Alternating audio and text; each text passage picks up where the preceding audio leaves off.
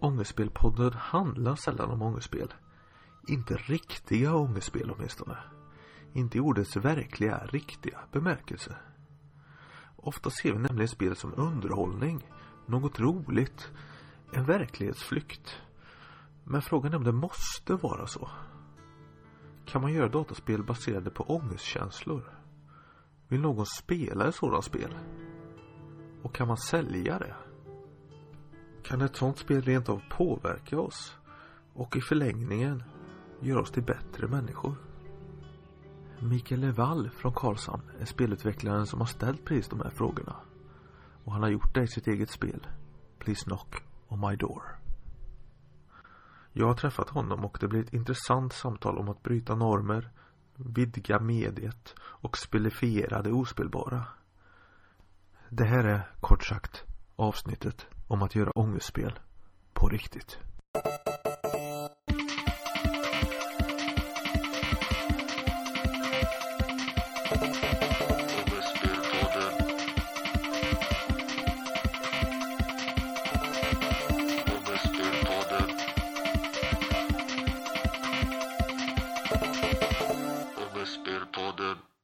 Så, då sitter vi här i Ångestspelpodden.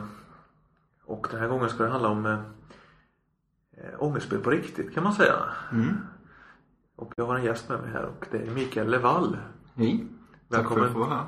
Välkommen till Ångestspelpodden. Ja, tack så mycket. Det är roligt. Vill du presentera dig själv lite kanske? Ja, absolut. Eh, Jag heter ju då Mikael Levall, som sagt. Eh, Jag är spelutvecklare baserad här i Karlshamn. Eh, Jag har ju då gått utbildningen här på BTH Digitala Spel för några år sedan. Blev, färdig eh, 2014.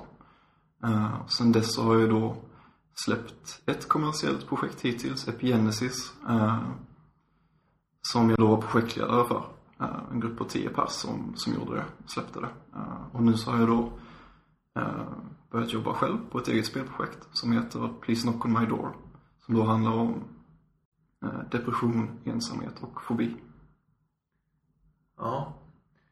Det är Verkligen spännande det här. Det här är ju Ångestspelpodden men det är ju det är ju sällan det handlar om ångest på riktigt om man säger så. Mm, precis. Vi har ju valt en lite skämtsam approach på det här med att spel kan vara jobbiga och eh, svåra Precis. och ångestframkallande. Ja, men exakt. Ja. Vet inte om du har kollat in Jo, webbserien? jo, men det har jag. Eh, jo, precis. Det jag sysslar med nu blir lite så eh, nästan det är lite underligt. Jag höll på att säga tvärtom, men det är ju inte riktigt sant kanske. Därför att eh, spelet jag gör nu är inte till för att du ska få ångest av hur svårt det är eh, gameplaymässigt. För jag antar att det är det som är er tanke där, att när gameplayen är svår och man blir frustrerad så kan det framkalla ångest liksom. För mig är det ju snarare eh, storyn och temat eh, och de känslorna som spelet framkallar som kan vara luta åt det hållet. Kan du berätta lite mer om Please Knock On My Door? Liksom, Mm. hur, hur, hur började det egentligen? Jo, eh, i spelet så kommer spelaren få, eh, Eh, han kommer få gå igenom en vecka i en, eh, i huvudkaraktärens liv då. Och den här personen eh, lider då av eh, en mängd olika problem. Bland annat då så finns det lite social fobi inmixat, det är lite fobi för spindlar, eh, depression. Eh, och personen lever då ett väldigt ensamt liv och har inte kontakt med människor eh, i sin vardag riktigt. Och detta grundar ju sig då i en period i mitt eget liv Eh, där jag hade eh, problem i jämförelse med detta då.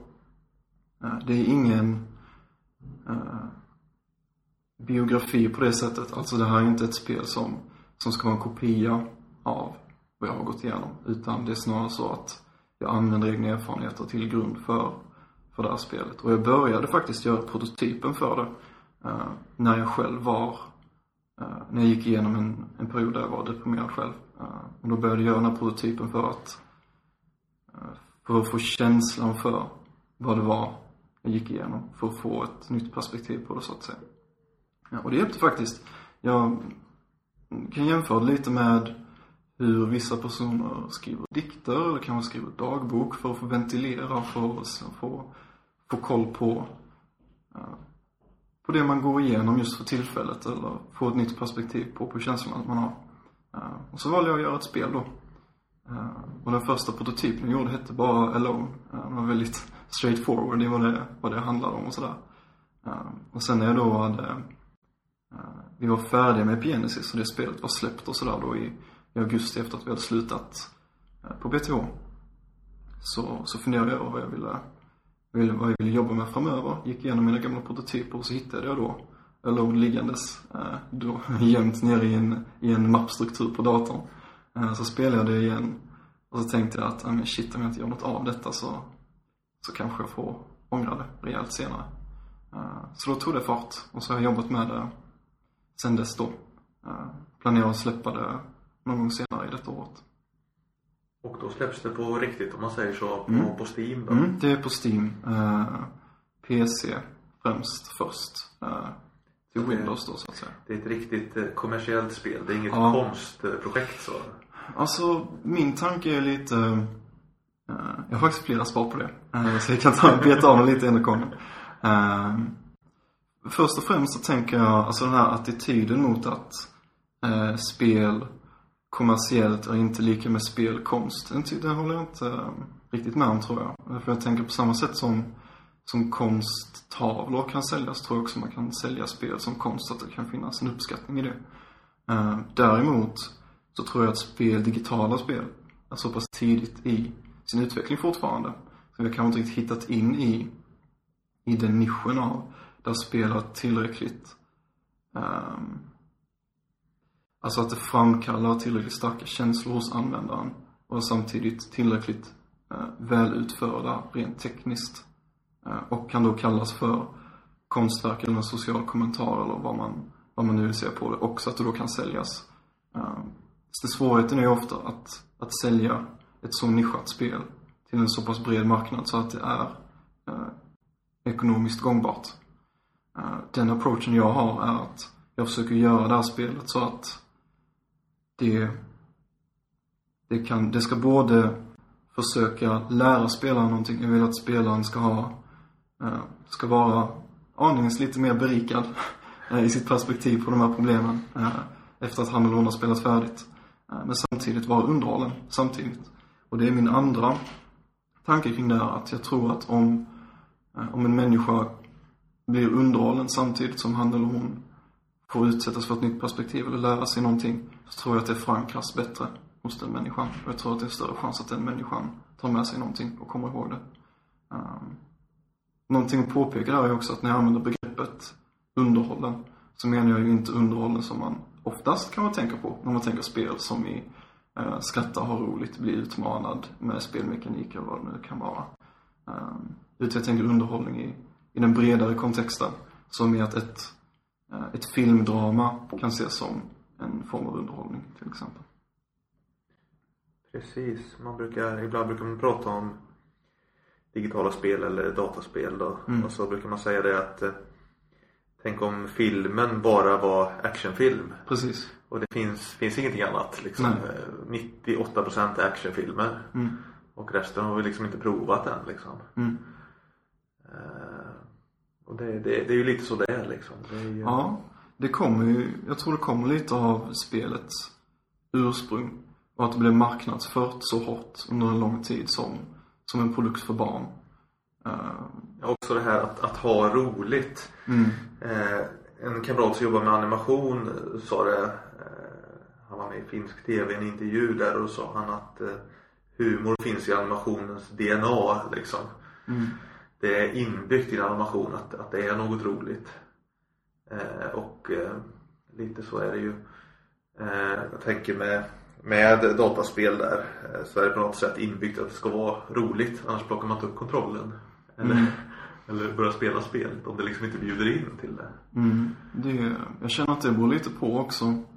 Uh, det är så lätt att använda begreppet roligt men att man funderar lite vad det faktiskt innebär att ha roligt. För vissa personer, det är också väldigt subjektivt. Vissa personer tycker det är roligt att bli skrämda till exempel medan andra gör inte det. Ja, det är sant. Uh, och sen har vi då roligt som i den kontexten med det spelet som jag arbetar med. Där det handlar om att utsätta sig för väldigt uh, ja men åtminstone relativt påfrestande tema där jag försöker få spelarna att konfrontera någonting som man kanske egentligen gärna undviker. Uh, tankar på döden, tankar på vem man är och var man hör hemma och eh, en gnagande känsla av att ingen uppskattar en. Uh, och det kan ju, det är ju ingenting som de flesta skulle associera med ordet roligt. Eh, men däremot så kan det ju vara, eh, jag tror ändå att det kan finnas en viss mån underhållning i det. Därför på samma sätt som en actionfilm tvingar dig att, eh, att möta faran eller möta döden i en actionsekvens när hjälten är på väg och, och blir besegrad så att säga. Så tror jag att man även kan ta en, en inre resa med en huvudkaraktär då som i ett drama eller som i spelet som jag utvecklar nu då, där huvudkaraktären får möta väldigt svåra uh, och utmanande tankar och känslor. Uh, och se då om spelaren kan ta sig igenom det.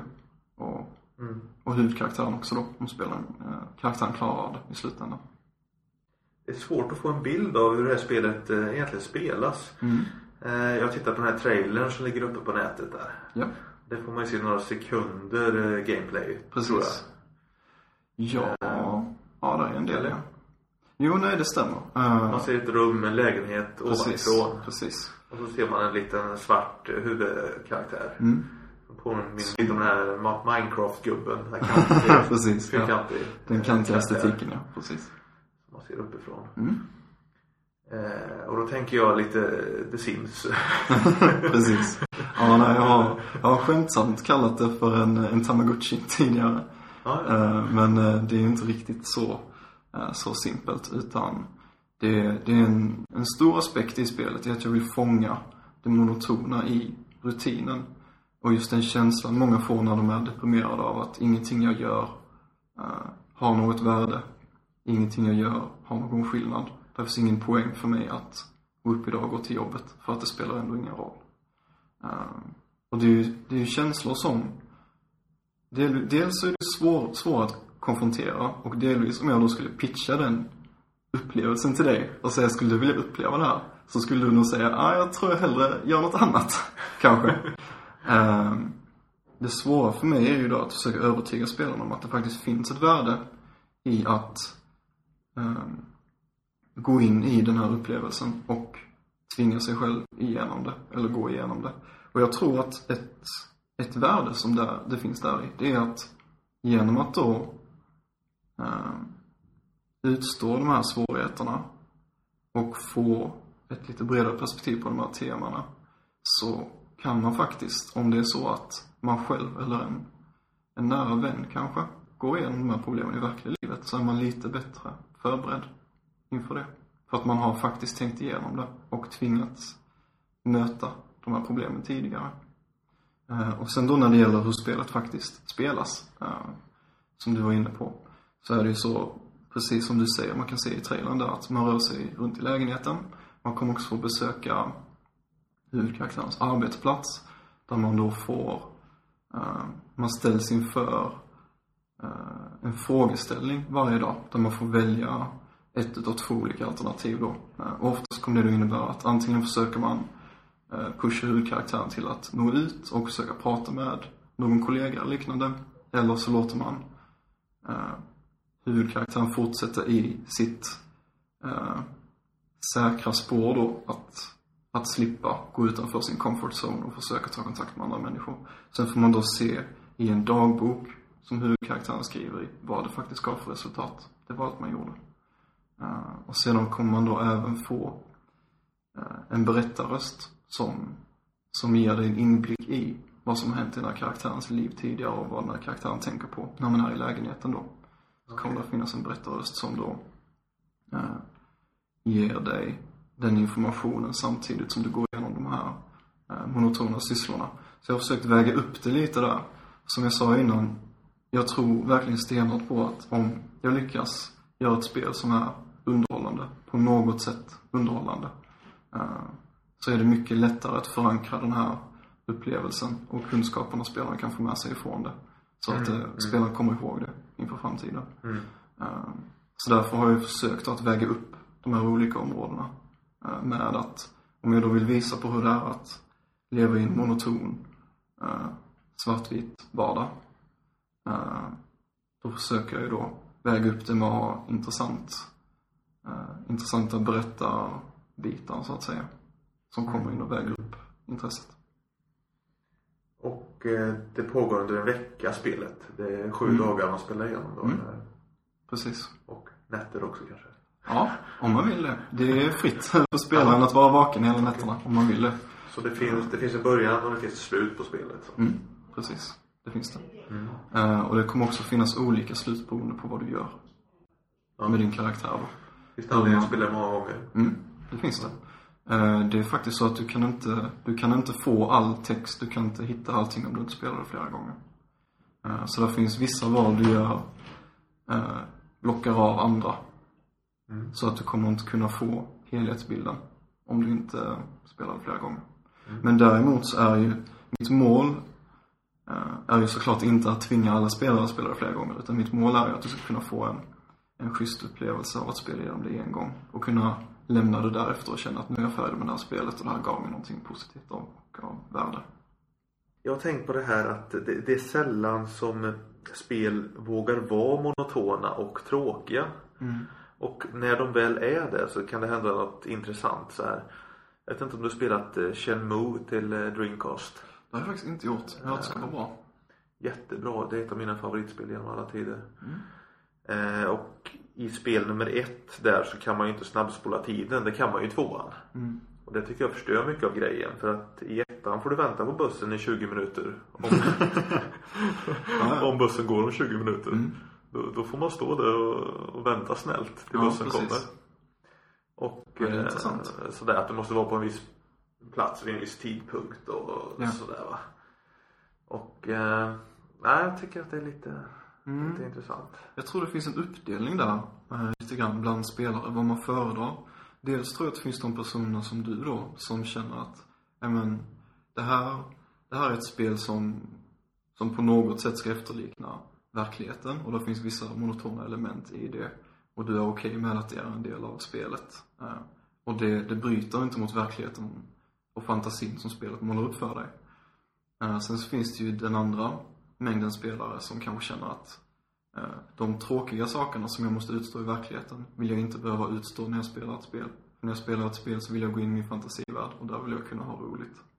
Ehm, och jag känner att den andra typen där ehm, kommer jag nog ha ganska svårt att nå med det spelet jag gör. Och det är viktigt att poängtera också att det är ju inget fel i något utav dessa, det är bara två olika attityder. Men jag Tror jag. tänker, jag tänker när man tittar på film Mm. eller läser en bok så är man ju liksom inte så inskränkt liksom. Jag menar, jag kan ju både se en actionfilm eller Mm. en splatterfilm eller ett djupt drama eller en dokumentärfilm Ja. liksom. Eller, Absolut. Jag Ja. tror, ja jag tror inte det är lite två olika saker där tror jag. Därför nu pratar vi å ena sidan om ehm, om att utföra monotona handlingar. Å andra sidan pratar vi om något som mer närmar sig genrer. mm. Vi har ju också det, den aspekten av att spel skiljer sig väsentligt från en film i att en film, även om du inte tycker om drama så mycket kanske, ta bara ett exempel. eh, Så kan du ändå sitta igenom ett drama. Om du kanske är i en vänskapskrets eller någonting och de vill kolla på det så kan du sitta igenom det och det, det tar dig kanske en och en halv timme, men inte så mycket mer. Ska du sitta igenom ett spel som är av en genre du inte tycker om, då måste du göra en effort, du måste göra en ansträngning för det. Eh, och har du en monoton syssla eh, så måste du faktiskt göra någonting eftersom spel är interaktiva. Eh, Sen har vi också problematiken att spel generellt sett är längre än filmer. Så har du då ett spel på 15-20 timmar kanske, eh, om vi tar ett lite längre spel då, och så kanske fem utav de timmarna är eh, filler, alltså utfyllnadstimmar. Då har du ändå fem timmar där, där du gör någonting som är monotont och som du kanske inte har så roligt av. Då kanske du hade föredragit att spelet var 15 timmar eller 10 timmar långt. Där allting var killermaterial, alltså sånt som du verkligen tycker om att spela. Eh, Mm. Men det, det är ju väldigt subjektivt vad man föredrar där, tror jag. Ehm, Det är mer jämförbart med bokläsning kanske. mm, Man orkar sig inte igenom en bok på 600 sidor om man inte nej, blir indragen precis. och tycker att den är bra. Ja, liksom. precis. Eh, det, det tror jag nog mer. För där, där gör du ändå lite mer av en effort, uh, en ansträngning. Inte lika mycket som i, eh, som i spel kanske. Det beror såklart på vilken typ av bok det är. Eh, och vilken typ av spel det är. Men det är ju definitivt så att det skiljer sig från filmen. där du kanske är aningens lite mer passiv i ditt som åskådare då. Har du några testspelare eller? Mm. så? Mm, det har jag. Jag har Jag har ett gäng personer eh, som jag känner sedan tidigare då. Som arbetar med, eh, vissa arbetar med spelutveckling, vissa inte. Och jag har valt personer som jag känner sedan tidigare som jag, som jag ger spelet till och som jag vet är ärliga mot mig och vars feedback jag värderar så att säga. Eh, jag har inte öppen speltestning. Eh, det anordnade vi med Epigenesis faktiskt. Där vi hade öppna speltestsessioner där vem som helst fick komma. Ta med sin egen laptop och få en, ett exemplar av spelet och spela tillsammans. För det var ju då ett, ett uh, multiplayer-spel. Men denna gången, med tanke på det temat som jag arbetar med här, så har jag valt personer som, som jag vet har någon form av intresse för det här temat också. För att försöka snäva in det i den nischen som så jag får speltestare från den nischen som jag faktiskt är intresserad av att träffa. Eh, Det är ganska viktigt att tänka lite på det här med, med målgrupp och vem ska spela spelet och så. Mm. Och jag känner att om jag skulle öppnat upp det förberett, så är risken att jag hade kunnat få feedback från personer som kanske inte är de jag siktar mot från första början. Självklart så kan man ju då kontra det med och säga att jo men om jag nu gör ett spel där målet är att spelaren, helst då egentligen vilken spelare som helst, ska kunna få ett breddat perspektiv på, på mental ohälsa och så vidare. Så, så kanske det är fel att bara förhålla mig till den nischen som jag själv siktar på så att säga. Men eh, det är så jag jobbar just nu åtminstone. Och även om, om jag hade velat att spelet hade haft, skulle haft något att erbjuda eh, alla typer av spelare så är ju det eh, troligtvis inte fallet. Som med alla spelprojekt man gör. Du vänder dig inte till Call of Duty-kidsen riktigt? Eh, om de har ett intresse för det här så. Men eh, nej, kanske inte riktigt. Eh, Det, det, det, det kräver ett särintresse på något sätt? mm, eller? alltså det kräver ju en viss. Ehm, ja, vad är ordet jag letar efter? Det krävs ju en viss mängd tålamod ehm, som spelare om man ska gå igenom den typen av upplevelser som jag försöker erbjuda då. Um, till skillnad från eh, Call of Duty-kidsen Ja. eh, som kanske inte har den mängden tålamod. Ehm, och det ser man ju också i eh, Alltså om, man, om du tittar på Call of Duty, hur det spelet fungerar och vad som händer på u och så vidare så ser du ju att det tar ju inte många sekunder mellan, mellan varje ny, alltså när det kommer ny information som spelaren bombarderas med, ny information som spelaren måste reagera på. Medans i Please Knock on My Door så, så krävs det ju en annan, eh, ett lite annat tankesätt från spelarens sida. Och jag hoppas att spelaren kan acceptera att det spelet jag gör kanske inte alltid tar samma väg som, som många andra kommersiella spel hade gjort. För det är ju inte alla spelskapare som kanske hade vågat göra ett spel som inte går ut på att spelaren ska få ha roligt och spelaren ska känna sig positivt underhållen exakt hela tiden. Och som faktiskt är ärliga och säger det. Eh, men jag hoppas att genom att vara rakt igenom ärlig med produkten jag utvecklar och vad det har att erbjuda så kan jag då locka till mig de, eh, de spelare som faktiskt har ett intresse för det. Eh, och kanske då ge dem någonsin av värde genom spelet. Jag tror jag förstår din version av det här spelet utifrån det du har berättat och utifrån det jag har sett i trailer och annat. Men då är frågan, går det att få det säljbart? Kan man sälja ett sånt här spel? Eh, Jag är övertygad om det. Eh, Faktiskt. Och det, det finns de som inte är det.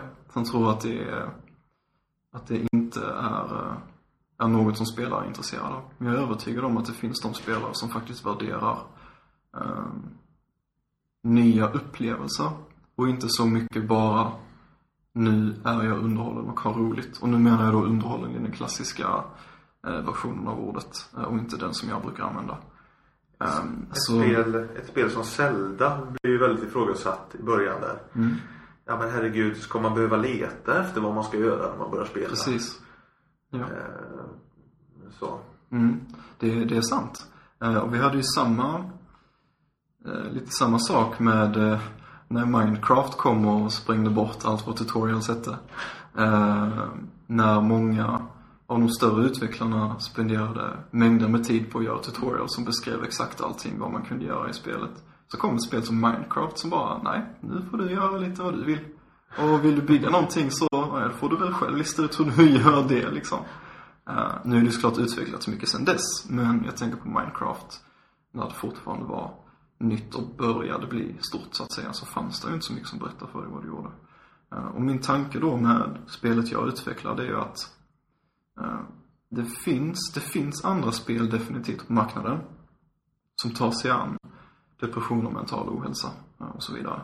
Mm. Men jag känner att det finns ändå ett visst utrymme där att fylla med ett spel som är eh, kanske lite större, har lite mer innehåll än, eh, än vad som har varit tidigare. Jag har ju spelat en del spel som jag har ju spelat eh, eh, Depression Quest, Actual Sunlight. Är ju de två som jag tycker gör, Mm. eh, gör ett ganska bra jobb. Um, Det kom ett, ett spel i ganska nyligen nu, That, That Dragon Cancer. Mm, precis. Jag har faktiskt inte plockat upp det än. Eh, Nej, det är på nej, min att spela-lista. Eh, Jag kollade faktiskt, eh, kul att du tar upp det, jag kollade på en, en trailer för det innan jag kom hit idag. Eh, Och det ser ju väldigt tungt ut, men det är definitivt eh, det, det är ett av de spelen där jag funderar på om, om jag vill spela, ha den upplevelsen liksom. Eh, Kanske ska berätta vad det, vad det handlar om för de lyssnare som inte känner till Mm.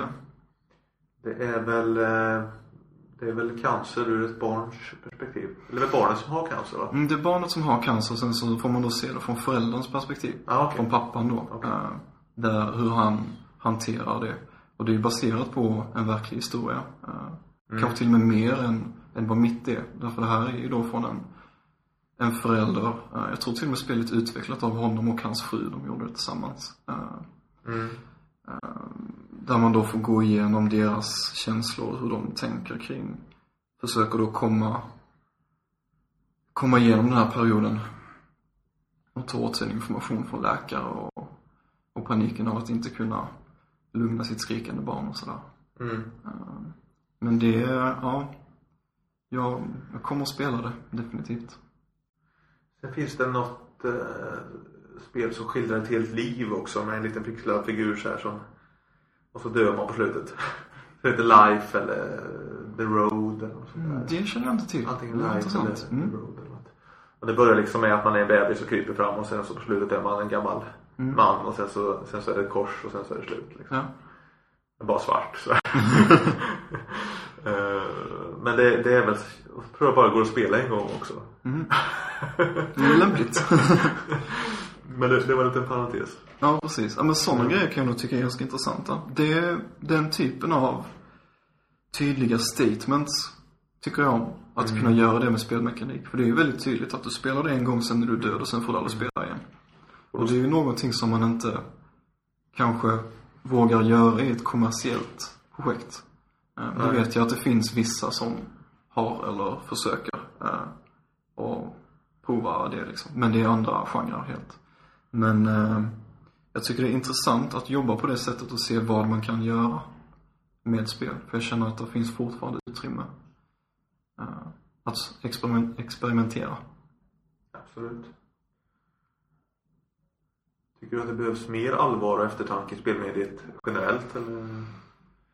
Jag tror att, eh, jag tänker så här, att anledningen till att jag inte skrev en bok om det här utan valde att göra ett spel, det är därför att jag såg ett tomrum i spelmediet av den här typen av upplevelser.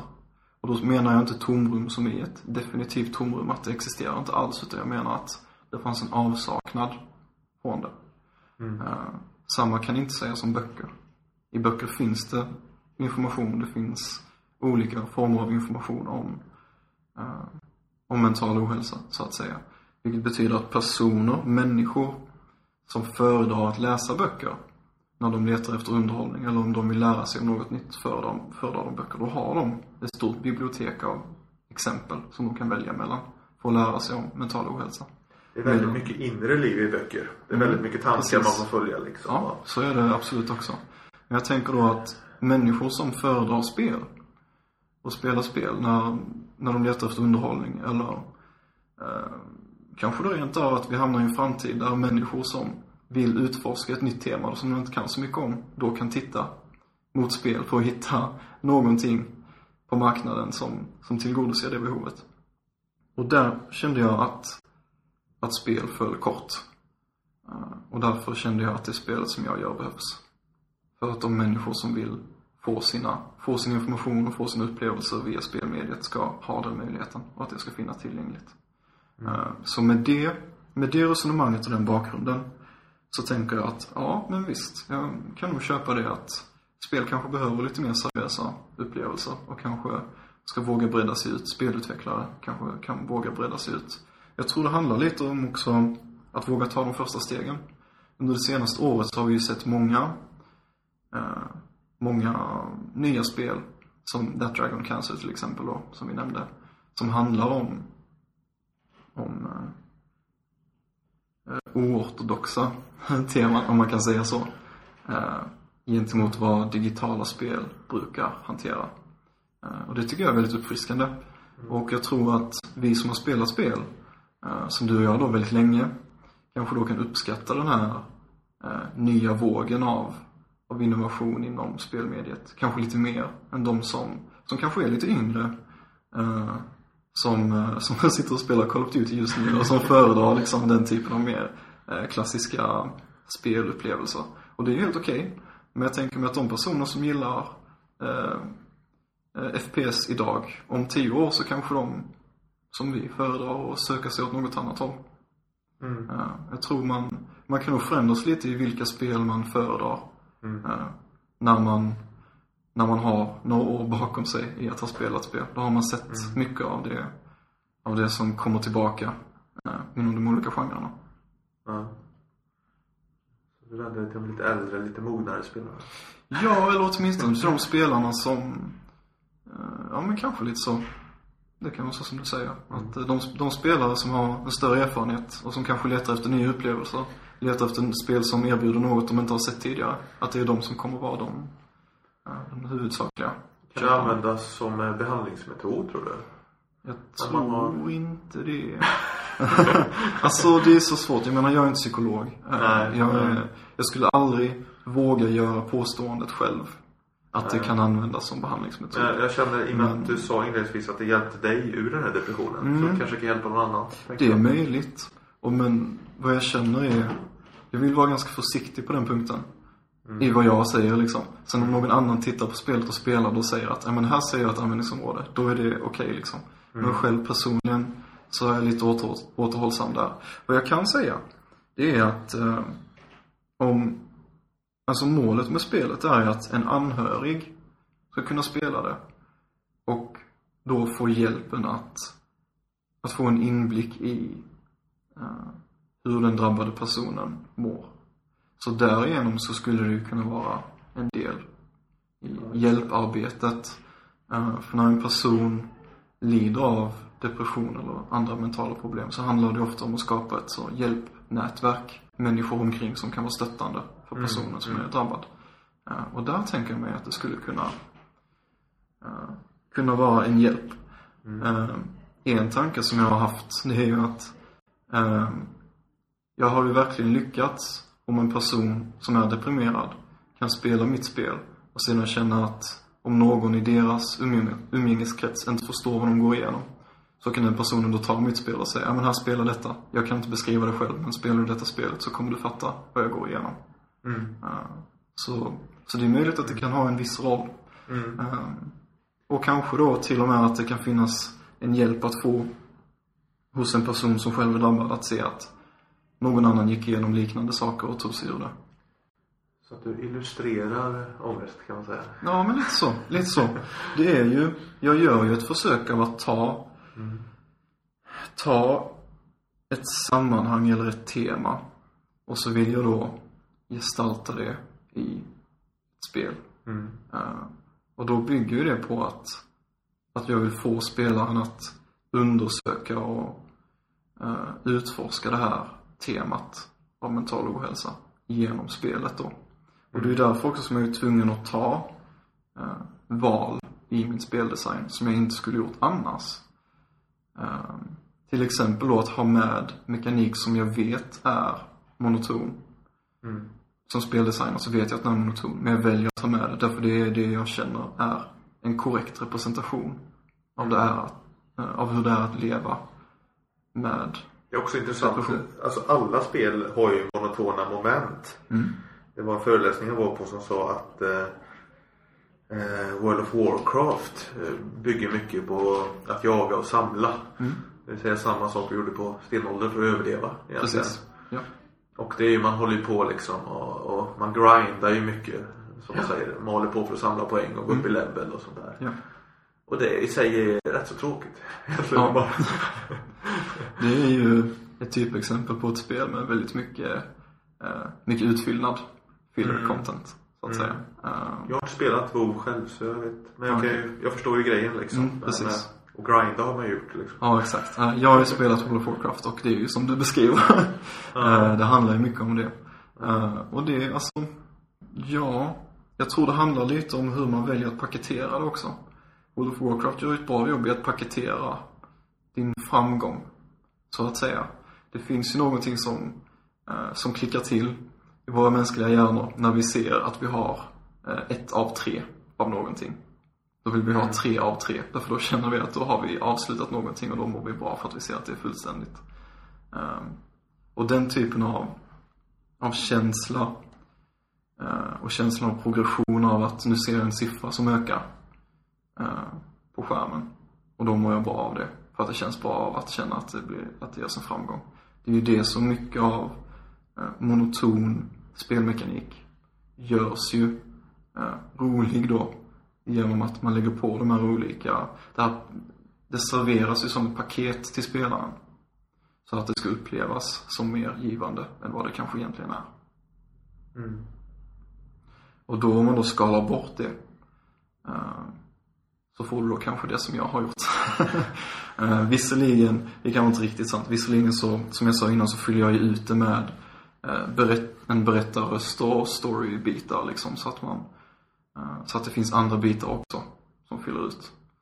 Eh, Jag tänker, eh, The Sims ritar ju om spelkartan mycket egentligen får man lov att säga. mm, För att eh, innan det så var det ingen som trodde man kunde göra spel om att eh, gå upp, äta frukost och gå till jobbet. precis, nej det är sant. Eh, Men sen gjorde Sims det. Ja. Och sålde bäst av alla spel på PC tror jag. Ja, det sålde en hel del. Eh, Så att, eh, ja. Det är intressant. Mycket där. Precis, och det är ju också så här att jag menar Någon vågade göra The Sims När andra sa att det inte var görbart Mm. Och så blev det en succé Dockskåp tror jag var liksom prototypen där. För de Mm. sa att alla barn gillar dockor och leker med dockskåp. Ja, Varför inte göra det i datorn? Liksom. precis. Ja, det är möjligt att det var så Eh, Men det är ju Det är ju intressant det här med att hitta på nya Nya sätt eller nya områden att använda spel inom tycker jag Och Sims Gjorde väl också, det var ju det här med eh, eh, eh, speldefinierade mål kontra spelardefinierade mål. Alltså att spelaren själv Jag menar det finns ju för de som, som spelar The Sims och fuskar till sig så de har oändligt med pengar. Sen bara bygger de drömhuset liksom och sen så bara så går de runt med sina, sina versioner av sig själv eller vad de nu har liksom. Eh, och får, får ut något av det. Mm. Och det tycker jag är intressant hur man tar bort det som man klassiskt sett ser som utmaningen och det som då man då ska driva spelaren framåt. Ja. Eh, ska driva spelarens intresse. Så tar spelaren själv bort det av egen vilja och hittar ändå underhållning. Samma som eh, Minecraft. Mm. att eh, Precis. spelet blir en låda full med byggklossar och gör, lite, Ja. gör vad du vill liksom. Mm. Lite, lite som lego när man själv var liten. Precis. Hur går det med arbetet då? Vart är du i processen nu? Eh, det går bra. Eh, spelet är spelbart från början till slut. Som det är nu. Eh, och och när, när jag säger det så låter det som att det är längre kommet än vad det, vad det är kanske. Men, eh, men det är, som sagt, jag speltestar och. Jag kan speltesta helheten, så att säga. Sen är det fortfarande mycket jobb kvar. Eh, såklart. Men eh, jag gör definitivt framsteg. Jag får ju, jag har ju ett, eh, ett deltidsjobb som jag får då jonglera med, eh, med min spelutveckling. Så det blir ju alltid utmaningen. Eh, Som jag tror de flesta nyföretagare kan känna igen sig i. Det här med att eh, övergången in till när man ska få igenom sitt första projekt. Så du har, om jag uttrycker det lite skämtsamt, du har ett riktigt jobb också? Mm, precis. Jag har ett riktigt jobb också. Jag har varit serietecknare och illustratör i flera år så att Mm. Eh, jag vet hur det kan vara Ja. ibland. Ja, precis. Jo, man men så måste ha ett riktigt jobb också. Ja, exakt. Men de frågar om inte- annat. Ja, Och sen man själv börjar säga det. Men jag har ett riktigt jobb också. Mm, Man liksom nedvärderar det man själv gör, liksom det man brinner för. Det är Ja. lite jobbigt. så är det. Va- Vad gör du förutom att göra spel? Jag är mentor på BTH. Ja, ja. Mm. Handleder med studenter. Eh, ja, skulle man kunna säga. Mm. Eh, hjälper studenter med eh, planering och sådana grejer. Ja. Det är väldigt givande, det är kul. Jag är Ja. väldigt lyckligt lottad som har ett, eh, ett deltidsjobb som jag faktiskt trivs med. Eh, För det är inte alla som har det kanske, när man så har en övergångsperiod när man ska in i något eget så att säga. Eh, Men jag har lyckats få ett jobb som jag verkligen trivs bra med. ja. Är du ensam utvecklare? Det? Det, det skiftar lite. Jag jobbar med, jag jobbar, jag, jag är faktiskt, eh, rätt svar är att jag inte är ensam. Jag, eh, jag jobbar med en kille som heter Ola Bäckström. Jätteduktig, eh, gör musik och ljud till spelet. Eh, Och han har ju varit med sen början då. Vi jobbade ihop på Epigenesis också. Eh, Så, eh, så, så han, honom har jag alltid med mig. Sen så har jag också jobbat med två stycken grafiker som hjälper mig att göra grafik till, till spelet. Jag är ju främst speldesigner själv. Eh, Sen är jag väl okej som på att programmera. Eh, Och sen så min, det, det, som jag då är sämst på är väl att göra grafik så att säga.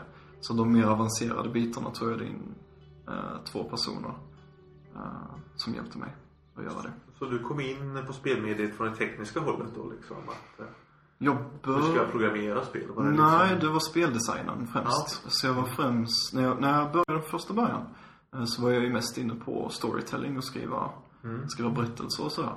Eh, Det var inte förrän framåt kandidatarbetet som jag började gå in på banan om att försöka utforska vad spel kan eller har svårt för att vara och försöka bredda, eh, bredda vad jag gör med mediet så att säga och jobba med teman som kanske inte eh, inte ges uttryck för i spel i vanliga fall. Men eh, speldesign har alltid varit kärnan i det jag gör. Eh, och sen så gör jag programmering för jag tycker det, tycker det är kul. När släpps spelet då? Den stora knäckfrågan. Ja du, det, alltså jag tycker, eh, anledningen till att jag inte tycker om att säga varför, eller så när, datum och så vidare. Det är därför jag har redan skjutit på det sådär tre, fyra gånger.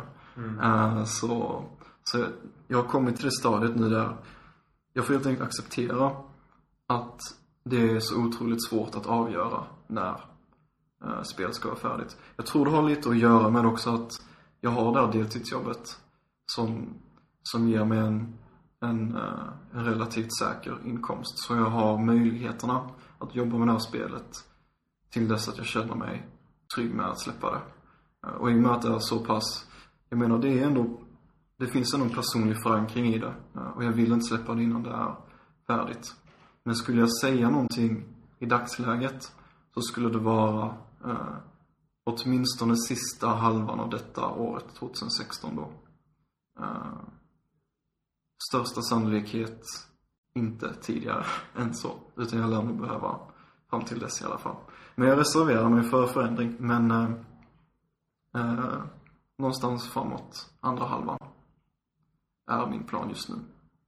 Är det så dramatiskt att släppa ett spel på Steam egentligen? Jag tänker man kan ju patcha upp det efterhand om det Kanske. Jo, men man har alltid den initiala vågen av, eh, av spelare som Ja, spelar det. det. Och då Och om de då ska- spelar och det inte är, Mm. eh, inte är välgjort, då kommer de inte gå tillbaka och spela det igen. Och så kanske de sprider bad, bad will på nätet. Det gör de också. garanterat. Och det är dåligt och Ja. suger och sånt där. Och så. Precis. Så då får man den, den vågen så att säga.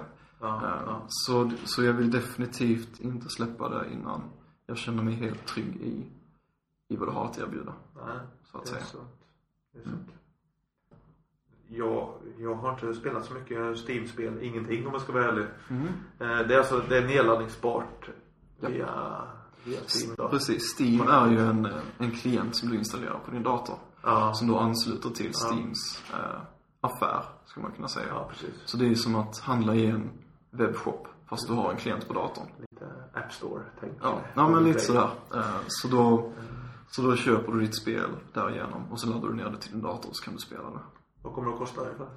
Eh, Kommer hamna någonstans runt eh, en siffra som jag inte vill säga i dagsläget. Nej okej. Eh. Vad brukar spel kosta på Steam? Kan. Mm, Det är alltid från eh, ett par dollar upp till fulla 60 dollar releases. Så det är hela spektrat. Ja. Eh, Sex- 60 dollar är liksom taket på något sätt. På Det finns de som går eh, över 100 i Jaha. special editions liksom. Ja, ja, Eh, ja. Men eh, jag, jag vet inte hur, hur väl det säljer. Eh, Jag skulle aldrig få för mig att köpa ett spel. Det är lite strategier vet man när man har releasat appar och sånt där. Att det bästa är ju att vara gratis om man vill ha många nedladdningar. Precis. Och sen det näst bästa är att det kostar en dollar, sju spänn liksom. Mm, för appar ja. Eh, Ja. Sen tror jag också att det finns, på, på PC i alla fall, så tänker jag mig att det finns en viss perception från spelarbasen.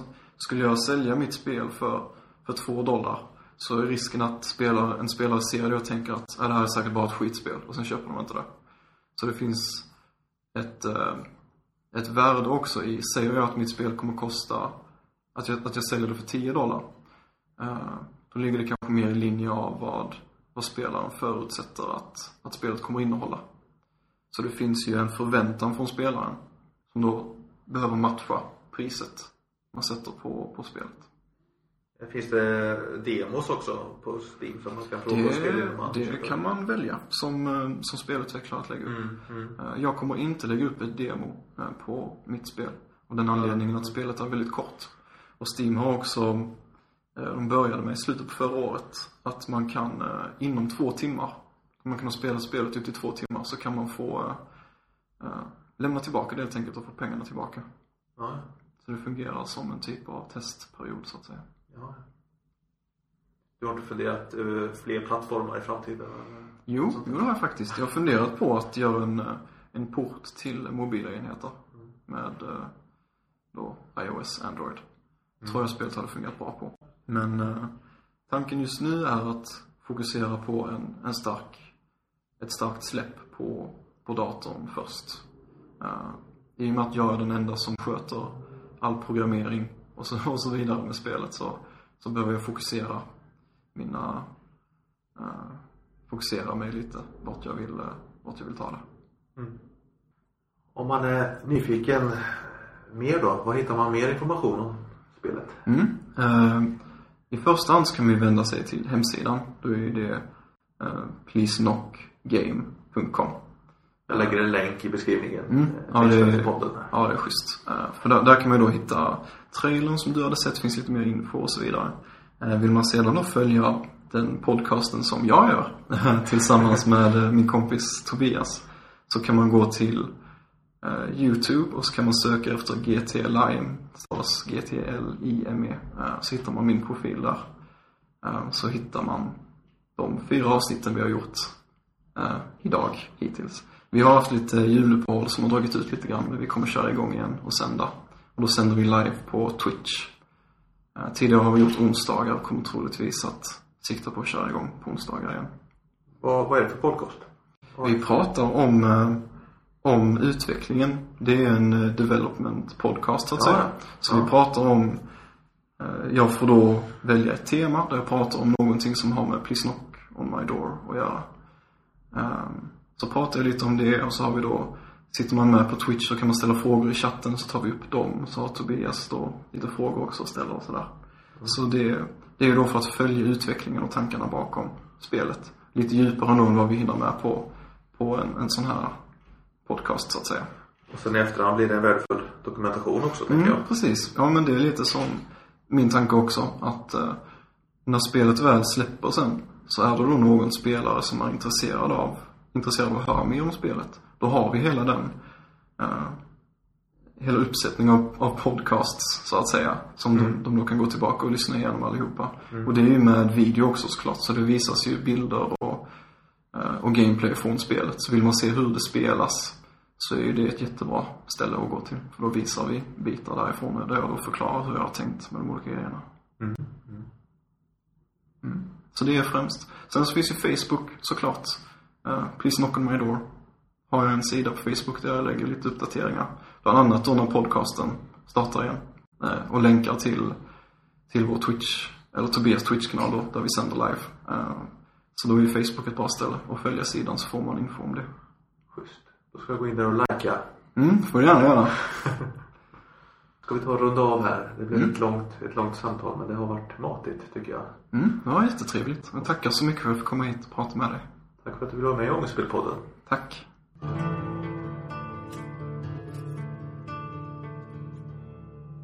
Du har lyssnat på avsnitt 30 utav Ångestspelpodden. Och jag som har roddat i podden är intervjuat och redigerat heter Daniel Lenner. Just det här avsnittet är inspelat på Roadhouse Studio i Karlshamn. Och eh, klippt av bara och Berna Medieproduktion. Du kan lyssna på Ångestspelpodden på videospelsklubben.se Om du har ett podcastprogram i din eh, mobiltelefon så kan du lägga in videospelsklubben där så får du förutom Ångestspelpodden också massa andra bra poddar i flödet där som du kan lyssna på. Alla poddar där handlar om spel. Det är mest bara Ångestspelpodden som spinner iväg åt alla möjliga konstiga håll ibland. Kommentera gärna ifall du gillar det här nya seriösa upplägget som det har varit på podden här i ett par avsnitt där vi har haft gäster och lite längre intervjuer prata kring ett ämne. Ha det bra till nästa gång och kom ihåg att det är aldrig fel att spela kassaspel.